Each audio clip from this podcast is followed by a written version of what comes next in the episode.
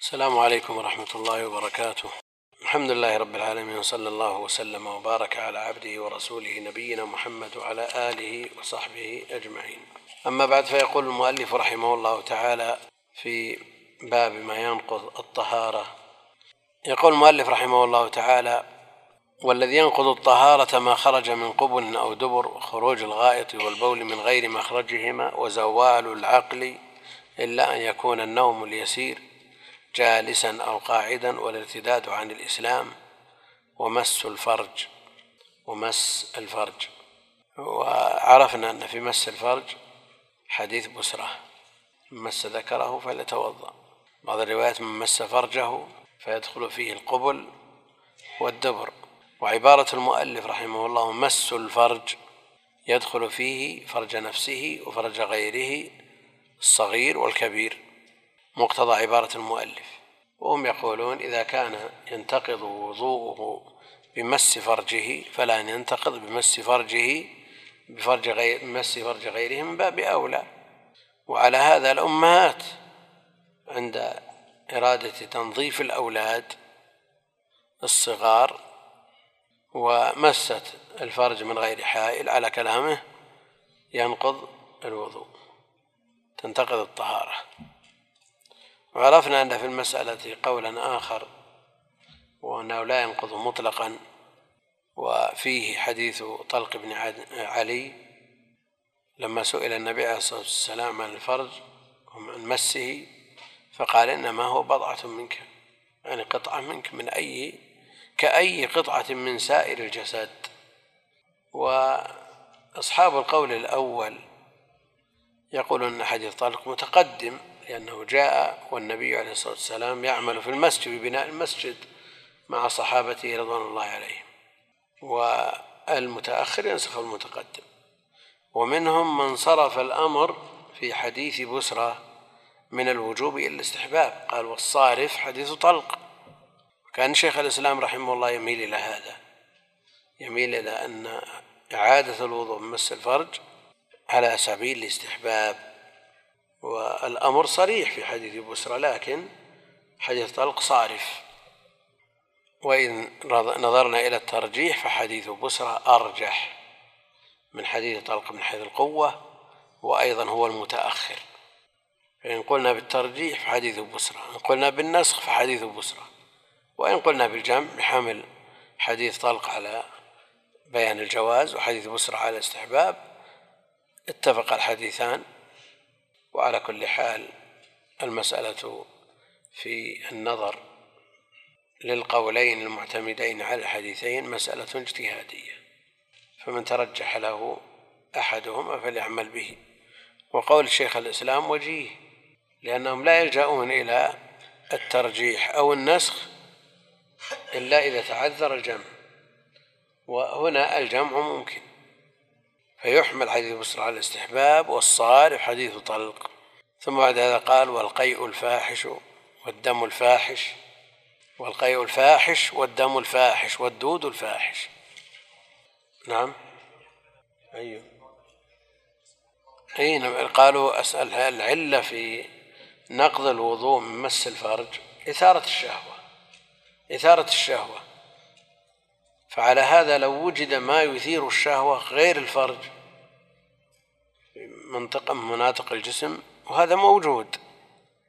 مسه ينقض الوضوء لا ما ينقض. الآن الفرج وفيه الحديث فيه الخلاف القوي فكيف بغيره؟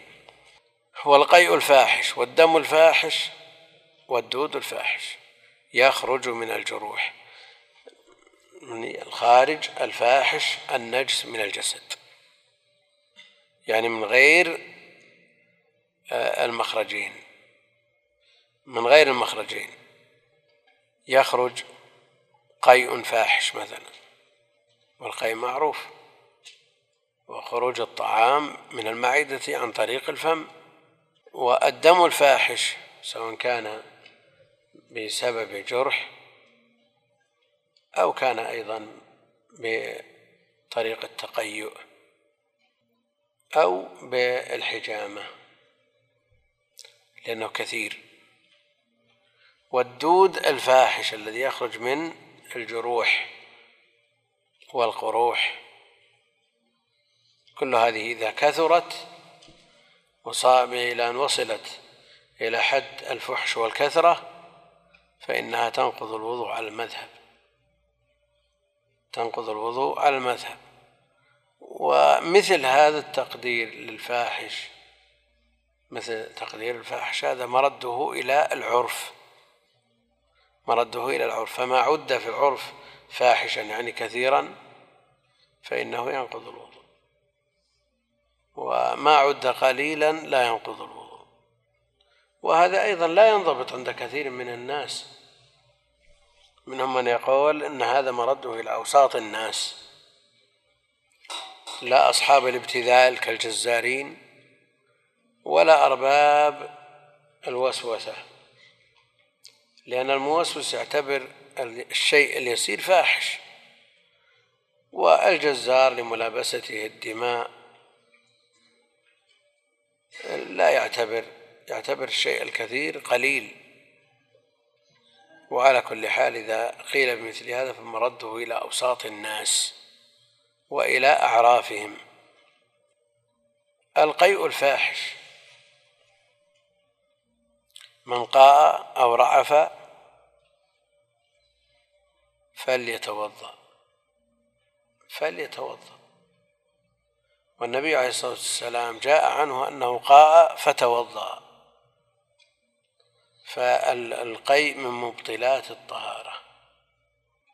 والمسألة خلافية بين أهل العلم. منهم من يرى أن القيء لا ينقض الوضوء لأنه على طهارة بيقين فلا ترتفع بمشكوك فيه. وكونه عليه الصلاة والسلام قاء فتوضأ يحتمل أمور كثيرة. أن الوضوء تعقب القي ولم يكن ولم يكن بسببه. لكن مثل هذا يبطل مفاد الحديث. يبطل مفاد الحديث. ومنهم من يقول قاء فتوضأ وضوءا لغويا يعني تمضمض وغسل إن كان أصابه شيء تطهر.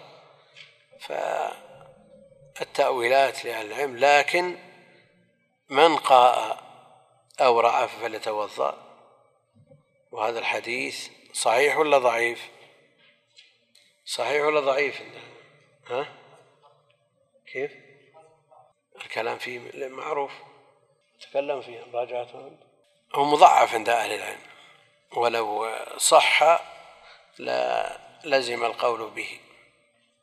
القيء الفاحش الدم الفاحش.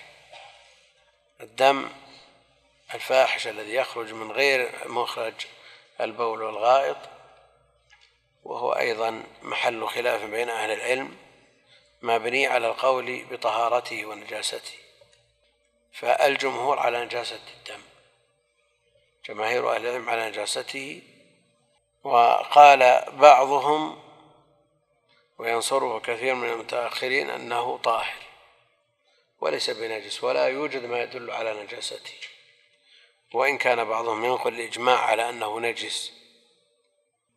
ينقل الإجماع على أنه نجس.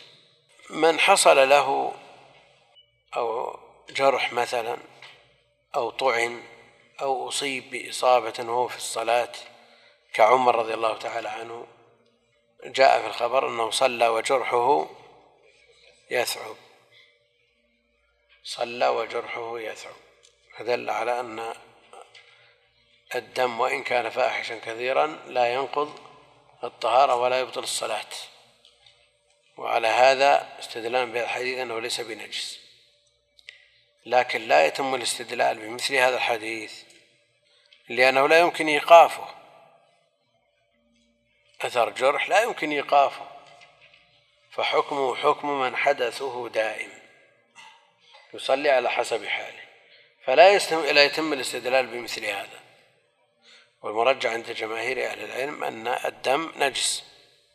أما بالنسبة للدم المسفوح فنجاسته إجماع. الدم المسفوح. إجماع. وغير المسفوح هو محل الخلاف. حرمت عليكم الميتة والدم. في قول الله جل وعلا قل لا أجد فيما أوحي إلي محرما على طاعم يطعمه إلا أن يكون ميتة أو دما مسفوحا. فعامة أهل العلم على تقييد الآية المطلقة حرمت عليكم ميتة الدم بالآية المقيدة. إلا أن يكون دم مسفوحا للاتحاد في الحكم والسبب. فمثل هذه الصورة يحمل المطلق على المقيد اتفاقا. يحمل المطلق على المقيد اتفاقا. ولا يقال في غير المسفوح إنه في حكم المسفوح. فالمحرم حرمت عليكم الميتة والدم محمول على المسفوح. أما غير المسفوح كالذي يبقى في اللحم بعد الذبح فإنه لا يؤثر. لا يؤثر. فإذا وضع اللحم في القدر وعلى هذا الدم على القدر على الماء لا يؤثر عند أهل العلم.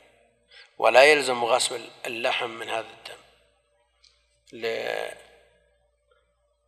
لأن التحريم مقتصر على المسفوح لأننا حملنا المطلق على المقيد وعرفنا أن هذا اتفاق للاتفاق في حكم السبب. فعلى هذا الدم غير المسفوح. وغير المسفوح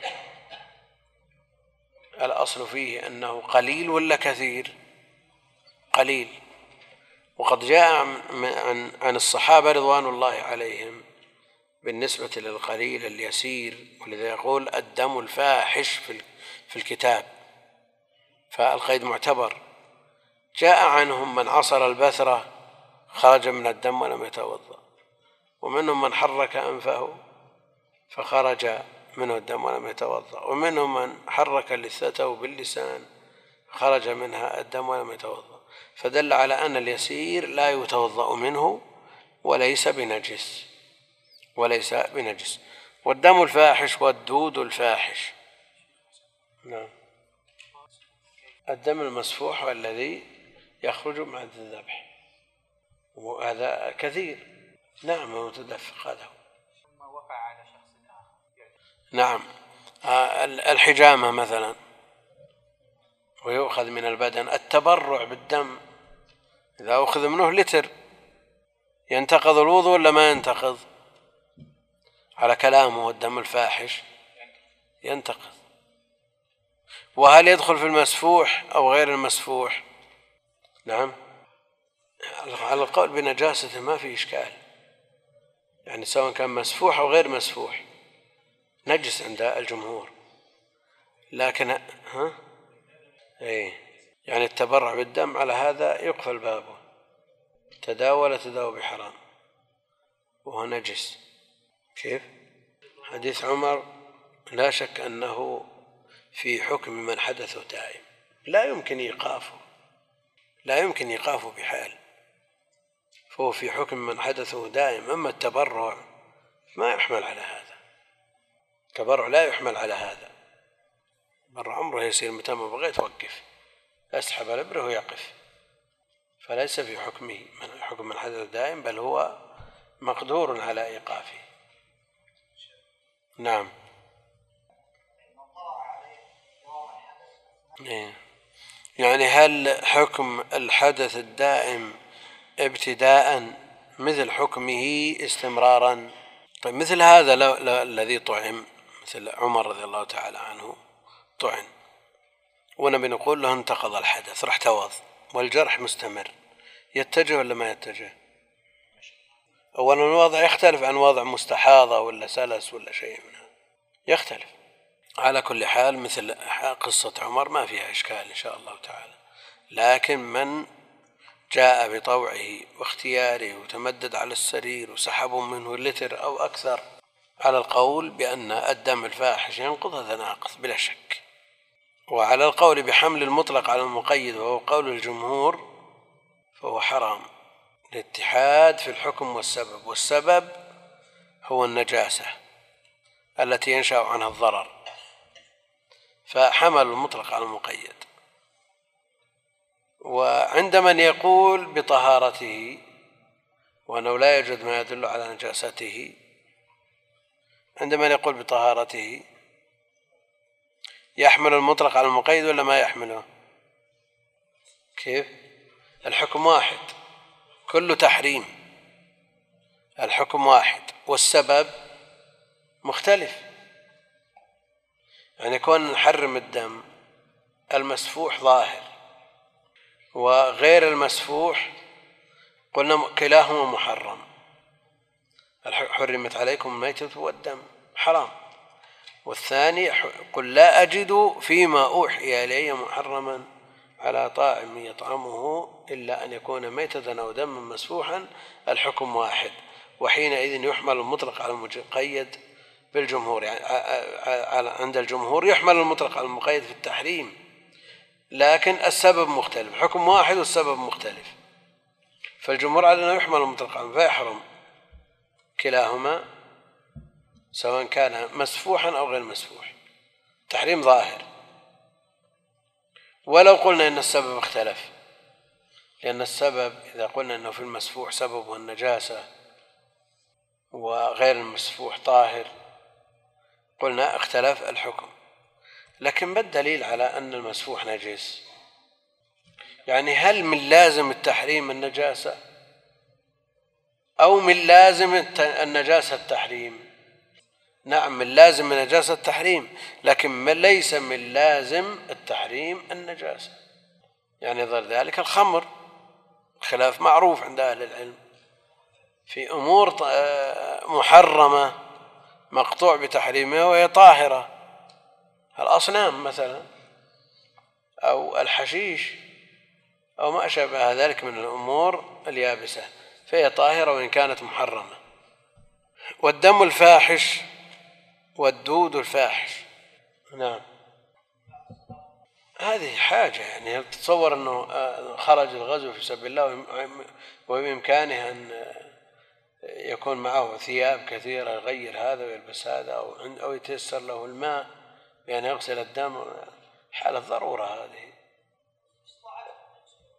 والله ما يلزم ما يلزمكم باستطاعتهم مو مثل الحضر. ما يلزم. على كل حال الدم الفاحش نجس في المذهب وناقض للوضوء والخلاف مثل ما سمعنا الدود الدود الذي يخرج من القروح والجروح قروح المتعفنة يخرج منها دود. والدود طاهر ولا نجس؟ ما تولد من نجس فهو نجس. وما تولد من طاهر فهو طاهر. كسوس التمر مثلا طاهر لكن سوس ما تولد عن نجاسة فهو نجس. وهو عندهم متولد عن الدم والقيح والصديد فهو نجس عندهم. فإذا كثر وصار فاحشا فإنه ينقض الوضوء. يخرج من من الجروح. يخرج من الجروح. هل هذا له مفهوم؟ فيه دود يخرج من غير الجروح. المخرج انتهى. والذي ينقض الطهارة ما خرج من قبل أو دبر. انتهى هذا. يتقيأه يعني قد نعم. لا لا خلى القيء الكثير. يعني يمكن دسعة. أو قلس أو شيء من هذا يخرج معه دود. أما إن خرج من المخرج هذا منتهي الموضوع. يمكن يمكن يتقيأ شيئا يسيرا لأن القيء إذا كان يسيرا لا ينقض الوضوء فإذا صاحبه دود يسير أيضا ها إذا خرج معه دود يسير على كلامه لكن إذا اجتمع قيء يسير مع دود يسير. يعني مقتضى كلام المؤلف أنه لا يؤثر. كمسائل مبني بعضها على بعض هم نجسوا الدم وفرعوا عليه هذه المسائل. نعم. إذا تولد من طاهر فهو طاهر مثل الصراصير وغيرها مثل الحشرات. إذا تولدت من طاهر فهي طاهر وإن تولدت من نجسة فهي نجسة. نعم إيه. وأكل لحم الجزور الجزور هو الجمل الإبل وفيه حديثان حديث البراء وحديث جابر بن سمرة. أنا أتوضأ من لحم الغنم؟ قال إن شئت. أنا أتوضأ من لحم الإبل؟ قال نعم. في رواية توضأوا بالأمر والحديثان صحيحان. الحديثان صحيحان. والوضوء من أكل لحم الإبل من المفردات. يعني ما قال بها الحنابلة هو المذهب عندهم وأما عند غيرهم فكثير من محققي الشافعية قالوا به وخالفوا إمامهم في هذا خالفوا الإمام الشافعي في هذا. لصحة الحديثين في الباب وعدم المعارض الصريح لأنه جاء في حديث كان آخر الأمرين من رسول الله صلى الله عليه وسلم ترك الوضوء مما مست النار. كان آخر الأمرين ترك الوضوء مما مست النار. وقالوا هذا متأخر فهو ناسخ للأمر بال للأمر بالوضوء من لحم الإبل. ناسخ له لأنه متأخر. آخر الأمرين معروف. لكن إذا قلنا بأن لحم الإبل نيء ما مسته النار. ينقض ولا ما ينقض؟ ينقض ويش ولحم الإبل الجزور يشمل كل ما حواه الجلد. فيدخل في ذلك الكبد والمصران والكرش وما أشبه ذلك. فهي داخلة لأنها يشملها جلده. يطلق اللحم على ما هو أعم من اللحم الأحمر بدليل قوله جل وعلا ولحم الخنزير ولا يستثنى مما حواه جلده شيء لكن قد يحوي جلد الخنزير ما هو نجس إجماعا ويحوي جلد الإبل الجزور ما هو طاهر إجماعا. والمسألة كما هو معلوم ليست في الطهارة والنجاسة المسألة ليست في الطهارة والنجاسة لكن أهل العلم حينما يريدون لحم الخنزير من أجل أن يقرروا أن اللحم يطلق على ما حواه الجلد فكذلك في الجزور. فالوضوء متجه لمن أكل شيئا مما حواه جلد آه، الجزور سواء كان ذلك من اللحم أو من النصران أو الكرش أو الكبد. كله يقال له لحم. الله عنك. نعم. إذا لو حلف ألا يأكل لحما فأكل من هؤلاء. نعم حلف ألا أقسم ألا يأكل لحما فأكل كبدا. يحنث ولا ما يحنث؟ نعم. إيه. هذا على رأي المالكي يحمل على قصده. لكن الجمهور على أنه مرده إلى العرف. مرد مثل هذا إلى العرف. فإن كان في العرف يسمى لحم حنث وإلا فلا. وفي العرف لا يسمى لحم فلا يحنث. نعم. عند المالكية قلنا أن القصد له أثر في الأيمان والنذور. عند المالكية. أما عند غيرهم فمرد ذلك إلى العرف. عندنا الأمر بالوضوء من أكل لحم الجزور. لا شك أنه خاص بلحم الجزور خاص بلحم الجزور لكنه عام فيما مسته النار وما لم تمسه النار. وآخر الأمرين من رسول الله صلى الله عليه وسلم ترك الوضوء من مسته النار عمومه في الجزور وغيره وخصوصه فيما مسته النار. دلالته على لحم الجزور بالمنطوق ولا بالمفهوم؟ نعم. بالمفهوم. ودلالة لحم توضأ من لحم الإبل بالمنطوق. فعندنا نص متأخر ونص متقدم. وعندنا نص المتقدم بالمنطوق والمتأخر بالمفهوم. فهل ينسخ المنطوق بالمفهوم لأن لدينا في الطرفين جهة قوة وجهة ضعف. جهة قوة وجهة ضعف.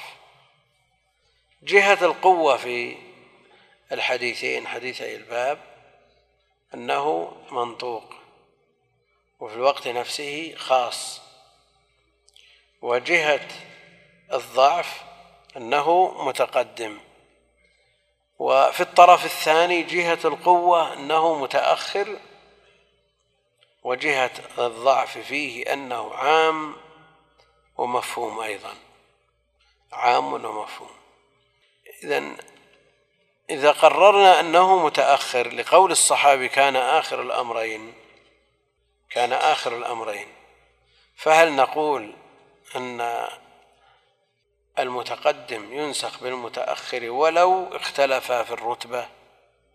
بأن كان أحدهم منطوقا أو مفهوما خاصا أو عاما منهم من يقيد النسخ بالاستواء بالاستواء. فمثلا المحرم إذا لم يجد النعلين فليلبس الخفين وليقطعهما أسفل من الكعبين. هذا قاله النبي عليه الصلاة والسلام بالمدينة قبل الحج.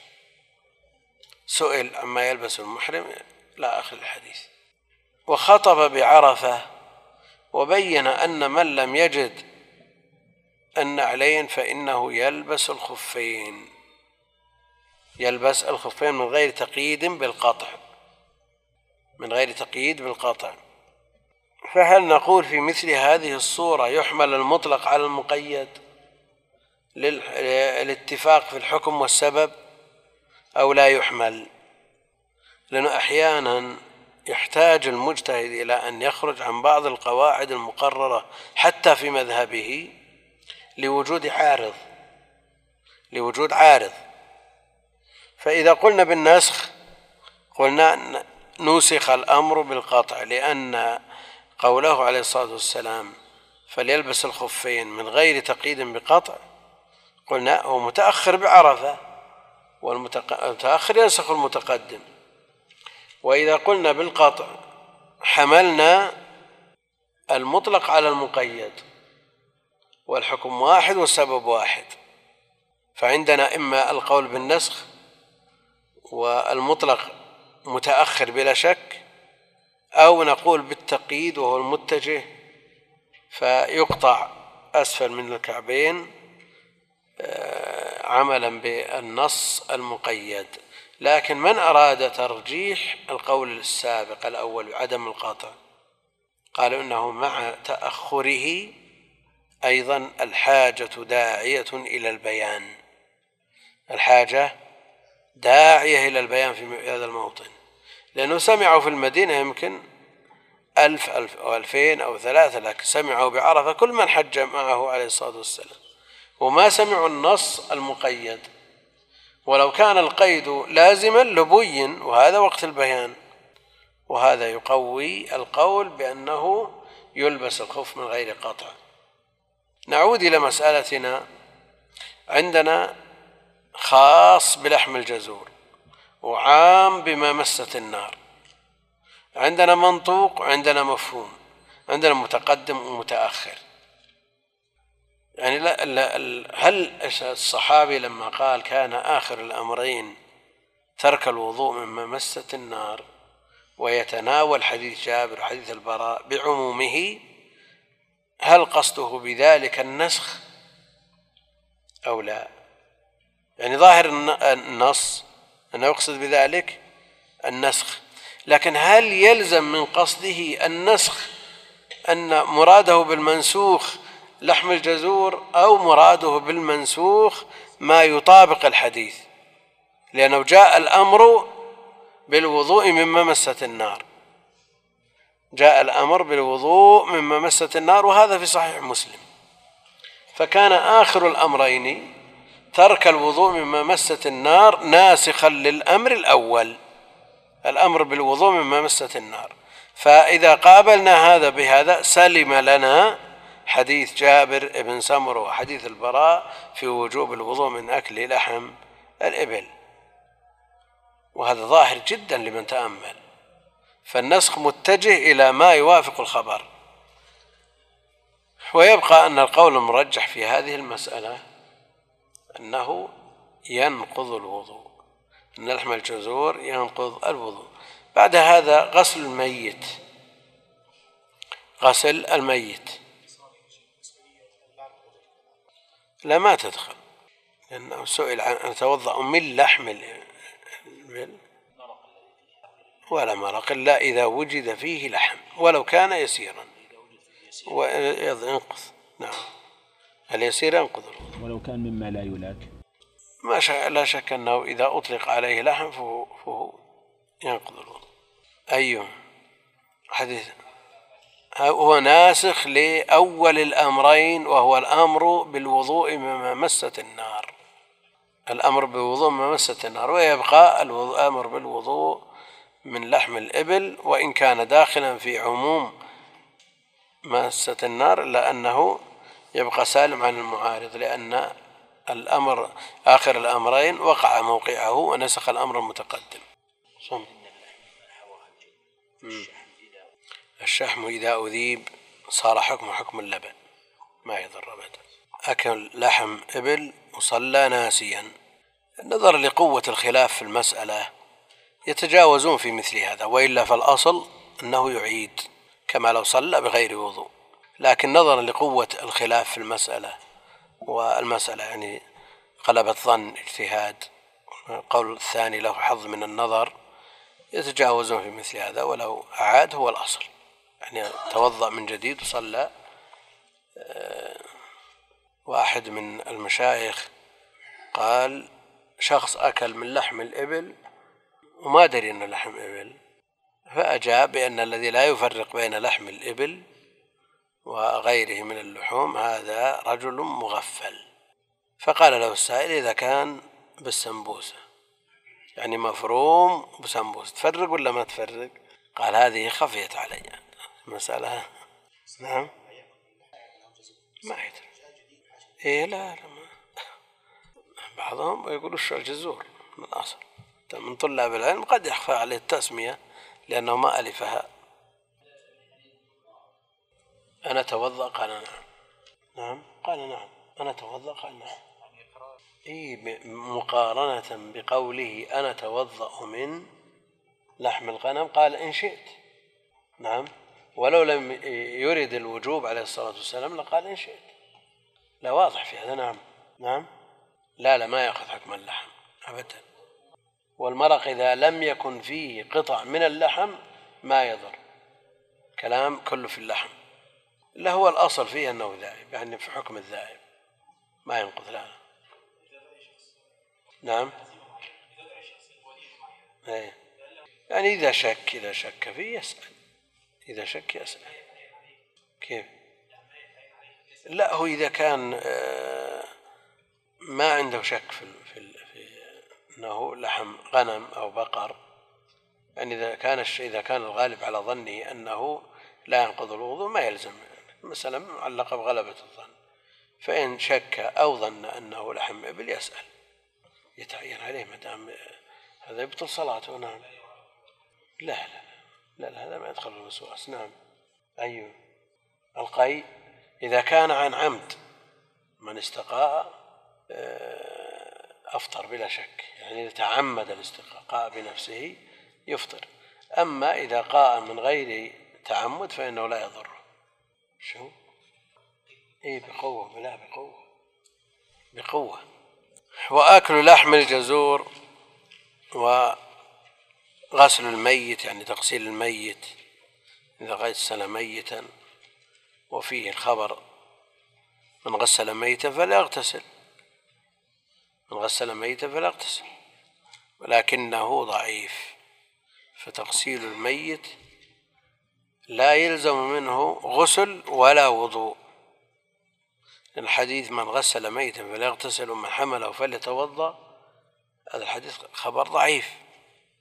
وهم يجعلونه مظنة. تغسيل الميت مظنة أن يمس شيئا من مما ينقض الوضوء من بدنه. لكن هو بذاته ليس بناقض. وعلى هذا فالمرجح أنه لا أثر له. وملاقاة جسم المرأة جسم الرجل للمرأة لشهوة جسم ويعبرون في كثير من الكتب مس المرأة بشهوة. مس المرأة بشهوة. وهنا يقول ملاقاة جسم الرجل للمرأة لشهوة. فهنا المسألة مبنية على الملامسة أو لامستم النساء. أو لامستم النساء. فهو على إن كان المراد به المس نفسه فإنه فالآية تدل على أنه ينقض الوضوء. وإن كان المراد بالملامسة الجماع كما قال ذلك جمع من الصحابة فإن مجرد المس لا ينقض الوضوء. والمس مس المرأة إما أن يكون باليد بالإفضاء بباطن الكف أو بغيره من أجزاء البدن. ولا يخلو إما أن يكون لشهوة أو لغير شهوة. فكلامه مقيد بالشهوة. لو أفضى بيده إلى المرأة من غير شهوة ينتقض ولا ما ينتقض؟ لا ينتقض. لكن لو مسها بمرفقه لشهوة انتقض. بينما المس إنما يراد به المس باليد بالإفضاء هي التي يتحقق فيها الشهوة. ملاقاة جسم الرجل للمرأة لشهوة. لو لاقى جزءا من بدنها بآلته بفرجه بشهوة أو بغير شهوة. لأن كلامه كلام المؤلف ملاقاة جسم الرجل للمرأة. ولا شك أن من أجزاء الجسم ما هو أشد من الإفضاء باليد. ومنها ما هو دونه. فلو لاقى جسم المرأة بشيء من جسمه كالذكر مثلا هذا أشد من اليد. لكن لو لاقاها بمرفقه مثلا أو برجله هذا أخف من اليد. والمسألة مبناها على أو لامستم النساء. أو لامستم النساء. فعلى هذا إذا كان المراد بالمسيس أو بالمس مجرد اللمس الدلالة ظاهرة من الآية وإن كان المراد بها في الآية الجماع وهو الظاهر من السياق وهو الذي قال بجمع من الصحابة فلا دلالة في الآية على مجرد المس. والنبي عليه الصلاة والسلام ثبت عنه أنه كان يقبل وهو صائم ويخرج إلى الصلاة ولا يتوضأ والتقبيل أشد من مجرد المس. والمسألة كما هو معروف عند الحنابلة مقيدة بالشهوة وعند الشافعية مطلقا لشهوة لشهوة أو من دون شهوة ولذلك تحرجون حرج شديد في مواطن الزحام. لأنه في المطاف مثلا يمس المرأة ولا بد ولغير شهوة لكن عليه أن يخرج ويتوضأ عند الشافعية. وعند الحنابلة لا يتوضأ إلا إذا كان لشهوة. آه، عند بقية أهل العلم المس لا أثر له ولا ينقض الوضوء سواء كان لشهوة أو لغير شهوة. لشهوة أو لغير شهوة. والمراد بالملامسة في, في الآية الجماع. ولا يوجد ما يدل على أنه ينقض الوضوء. كيف؟ القيد. لأن المس ما هو بحدث. المس ليس بحدث كما قيدوا أو نوم في حديث صفوان بن عسال بن مستغرق لأن هذه ليست أحداث وإنما هي مظنة ولا تكون مظنة إذا لم يجد شهوة كما لو قبل ابنته أو أمه وإن كان بعضهم يطرد فيقول تقبيل أو المس لجميع الجنس جنس النساء. طيب الممسوس يعني مسته امرأته. هل ينتقض وضوء ولا ينتقض؟ معروف عند المتأخرين من الحنابلة أنه لا ينتقض وضوء ملموس ولو وجدت منه شهوة. ولو وجدت منه شهوة. والمتوسطون منهم يقولون أنه إذا وجدت الشهوة انتقض وضوء الملموس. وإلا فلا. نعم. لا يلزم إلا إذا مس فرجه على القول بأن مس الفرج ينقض. المؤمن طاهر حيا وميتا لكن تغسيله تعبد ما هو بنجس. إن خرج منه شيء انتقض وضوءه وإلا فلا. بعض المتأخرين يذكرون من النواقض زوال عذر المستحاضة ونحوها. زوال عذر من به حدث دائم. توضأ مع أن المذي يخرج منه أو السلس يخرج منه باستمرار ما يقف. أو الدم يخرج من المستحاضة باستمرار إذا زال عذره يتوضأ. فجعلوه من النواقض. وجعلوا من النواقض خروج وقت الصلاة لمن تيمم لها. وهذا كما هو معروف في المسألتين. هل الوضوء المقترن بعذر أو رخصة كالتيمم هل هو رافع أو مبيح؟ فمن يقول أن وضوء المستحاضة ومن به حدث دائم مبيح مجرد إباحة فإنه لا بد أن يتوضأ. كمن مسح على الخف الصعيد الطيب وضوء المسلم ولو لم يجد الماء عشر سنين فإذا وجد الماء فليتق الله وليمسه بشرته. وهذه إذا ارتفع عنها دم الاستحاضة تغتسل آه، تتوضأ تتقي الله وتمسها بشرة وكذلك من انقطع حدثه الدائم وكذلك من تيمم كلهم إذا انتهى العذر يتوضؤون. فليتق الله وليمسه بشرته. بطلان المسح بفراغ مدته أو خلع حائله أو نحو ذلك. يقول بعضهم بأنه ينقض الطهارة والصواب أنه ليس بناقض لكنها طهارة ناقصة. فإذا تمت المدة وعليه الخوف مدة انتهت مدة المدة المأذون بها شرعا والخف ما زال ملبوس فإنه حينئذ يتوضأ. يلزمه خلع الخف ويتوضأ لأنه يصلي بخف غير مأذون في مسحه. وكذلك خلع الخف وليس بناقض لكنه إذا تطهر ومسح على الخف وخلعه يكون حينئذ يصلي بطهارة ناقصة.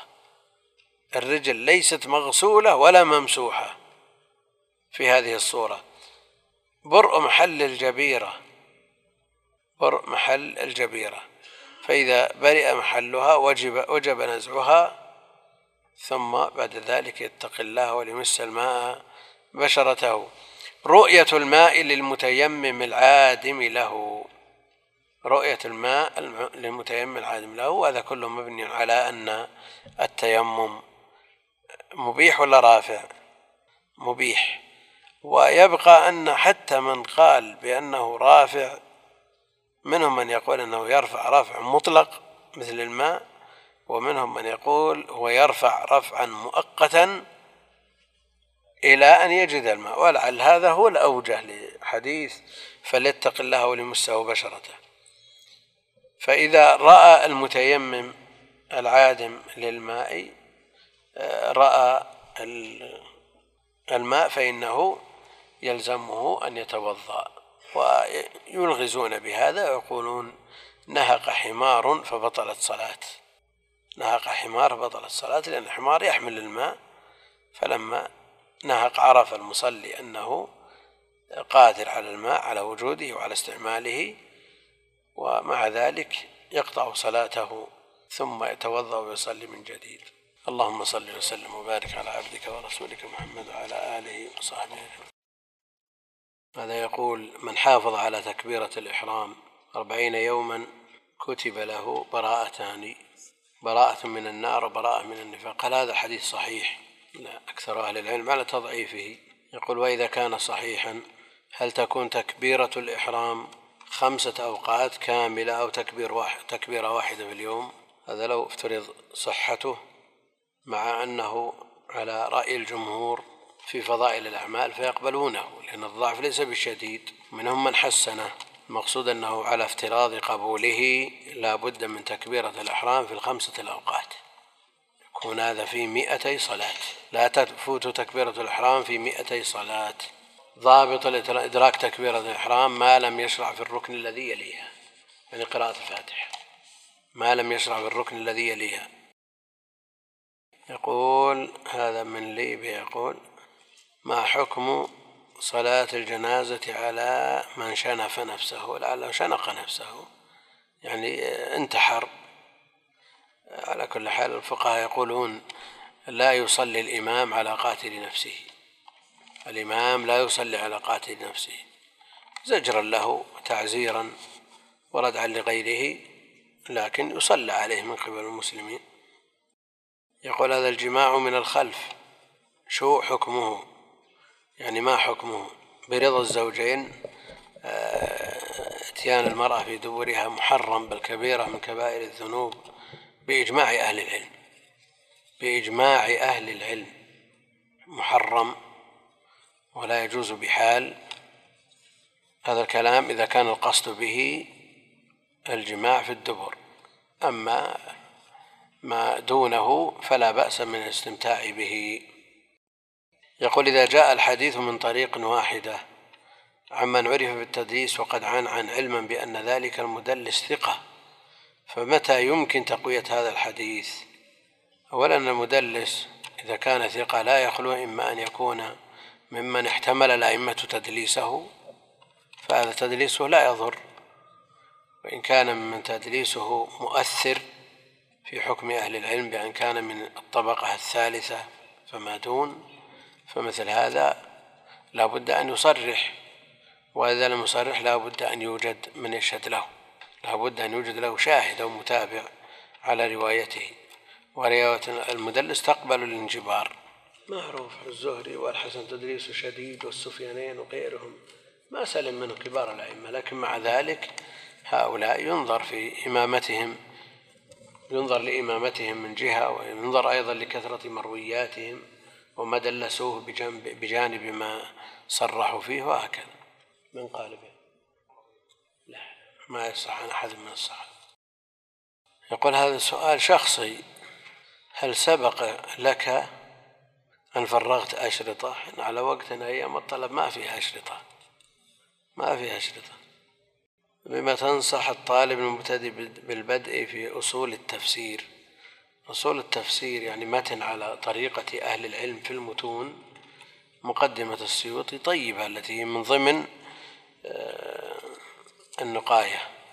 وهذه شرحناها شرحها موجود.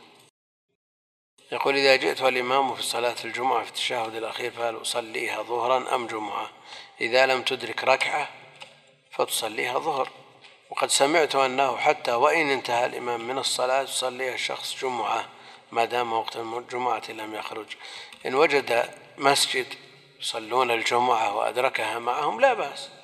ولو فاتته الجماعة الأولى وجد جماعة يصلون في مسجد معتبر معذون له أن يصلى فيه جمعة يصلي معهم ويدركها وإلا فيصليها ظهرا. هل نقول لمن شابه المبتدع بوصف معين هل نطلق عليه أنه مبتدع؟ أو نقول فيه من المبتدعة لأنني سمعت من يطلق هذا اللفظ على بعض أهل العلم الذين قد شابهوا المبتدعة في قول من أقوالهم مثلا آه، النووي والكرماني كلاهما أشعريان. نعم النووي والكرماني أشعريان. هؤلاء بدون تردد لكن لو كانت الموافقة في بعض المذهب لا في جميعه النووي والكرماني يوافقون أشعرية في كل شيء. لكن لو كانت الموافقة في بعض المسائل دون بعض لقيل فيه أشعرية أو فيه تمشعر أو ما أشبه ذلك. كما يقال فيه جاهلية وفيه اعتزال وفيه شرك أحيانا. يقول عندي أخت لها أولاد صغار فيهم شقاوة وهي لا تفتأ ليل نهارا عن اللعن فتارة تلعن الأب وتارة تلعن الجد أو الأخ. وما تركت أحدا إلا لعنته نسأل الله السلامة والعافية ولو قلت إنها تلعن مئة مرة في اليوم لكان هذا قليلا حاولت في نصحها مرارا بأساليب مختلفة لكن لا فائدة مع أني مشفق عليه. إيه؟ مشفق وخائف عليهم من كتاب الله ماذا أفعل هل ممكن أستخدم أسلوب التدرج بأن أقول أولا اقتصدي على لعن إبليس في البداية وهكذا.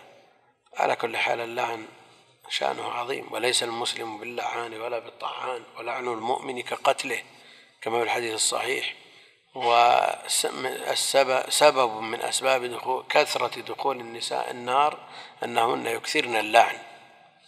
فلتخف على نفسها هذه المرأة تعدل عن هذا الأسلوب إلى أسلوب مناسب من أساليب التربية أما هذا لا يربي لا تسلم الذمة ولا يربي. يقول ما حكم صرف الزكاة الحلقات تحفيظ القرآن؟ وهل تدخل في قوله في سبيل الله في قول عامة أهل العلم لا تدخل. وسبيل الله خاص بالجهاد خاص بالجهاد عند عامة أهل العلم وإن كان بعضهم لا سيما من المعاصرين والمتأخرين من يرى الدخول. ومنهم من يتوسع في سبيل الله ويدخل فيه أبواب الخير والبر كلها. يقول كان رسول الله صلى الله عليه وسلم إذا حزبه أمر فزع إلى الصلاة. لا شك أن الصلاة كما قال الله جل وعلا واستعينوا بالصبر والصلاة يستعان بها على الأمور المهمة والملمات وقضاء الحوائج. يقول هل اتفق, اتفق الحكم في من أشرك؟ هل اتفق الحكم في من أشرك بين إيش؟ من مات مع الشرك. كيف؟ يعني أشرك هو شخص مات على الشرك. شو الفرق بينهم؟ أن أشرك ثم تاب وأناب ورجع توبة هذه ما قبله. وإن مات على ذلك فالله جل وعلا لا يقبل لا يغفر أن يشرك به. ألا يكون اضطجاع النبي صلى الله عليه وسلم تقريرا على جواز الصلاة بعد الاضطجاع خصوصا أنه لم يرد تخصيص على أن الاضطجاع يكون محدثا لأنه النوم ناقض للوضوء النوم ناقض للوضوء والنبي عليه الصلاة والسلام يضطجع ويسمع له خطيط فهذا من خواصه عليه الصلاة والسلام لأنه تنام عيناه ولا ينام قلبه. هل يمكن أن يستدل على وجوب وضوء المرتد بقوله تعالى إنما المشركون نجس أو من أقوى ما يستدل به على وجوب الوضوء. على المرتد وأن الردة ناقضة للوضوء الطهور شطر الإيمان وهو في الصحيح. وإذا بطل الإيمان بطل شطره من باب أولى.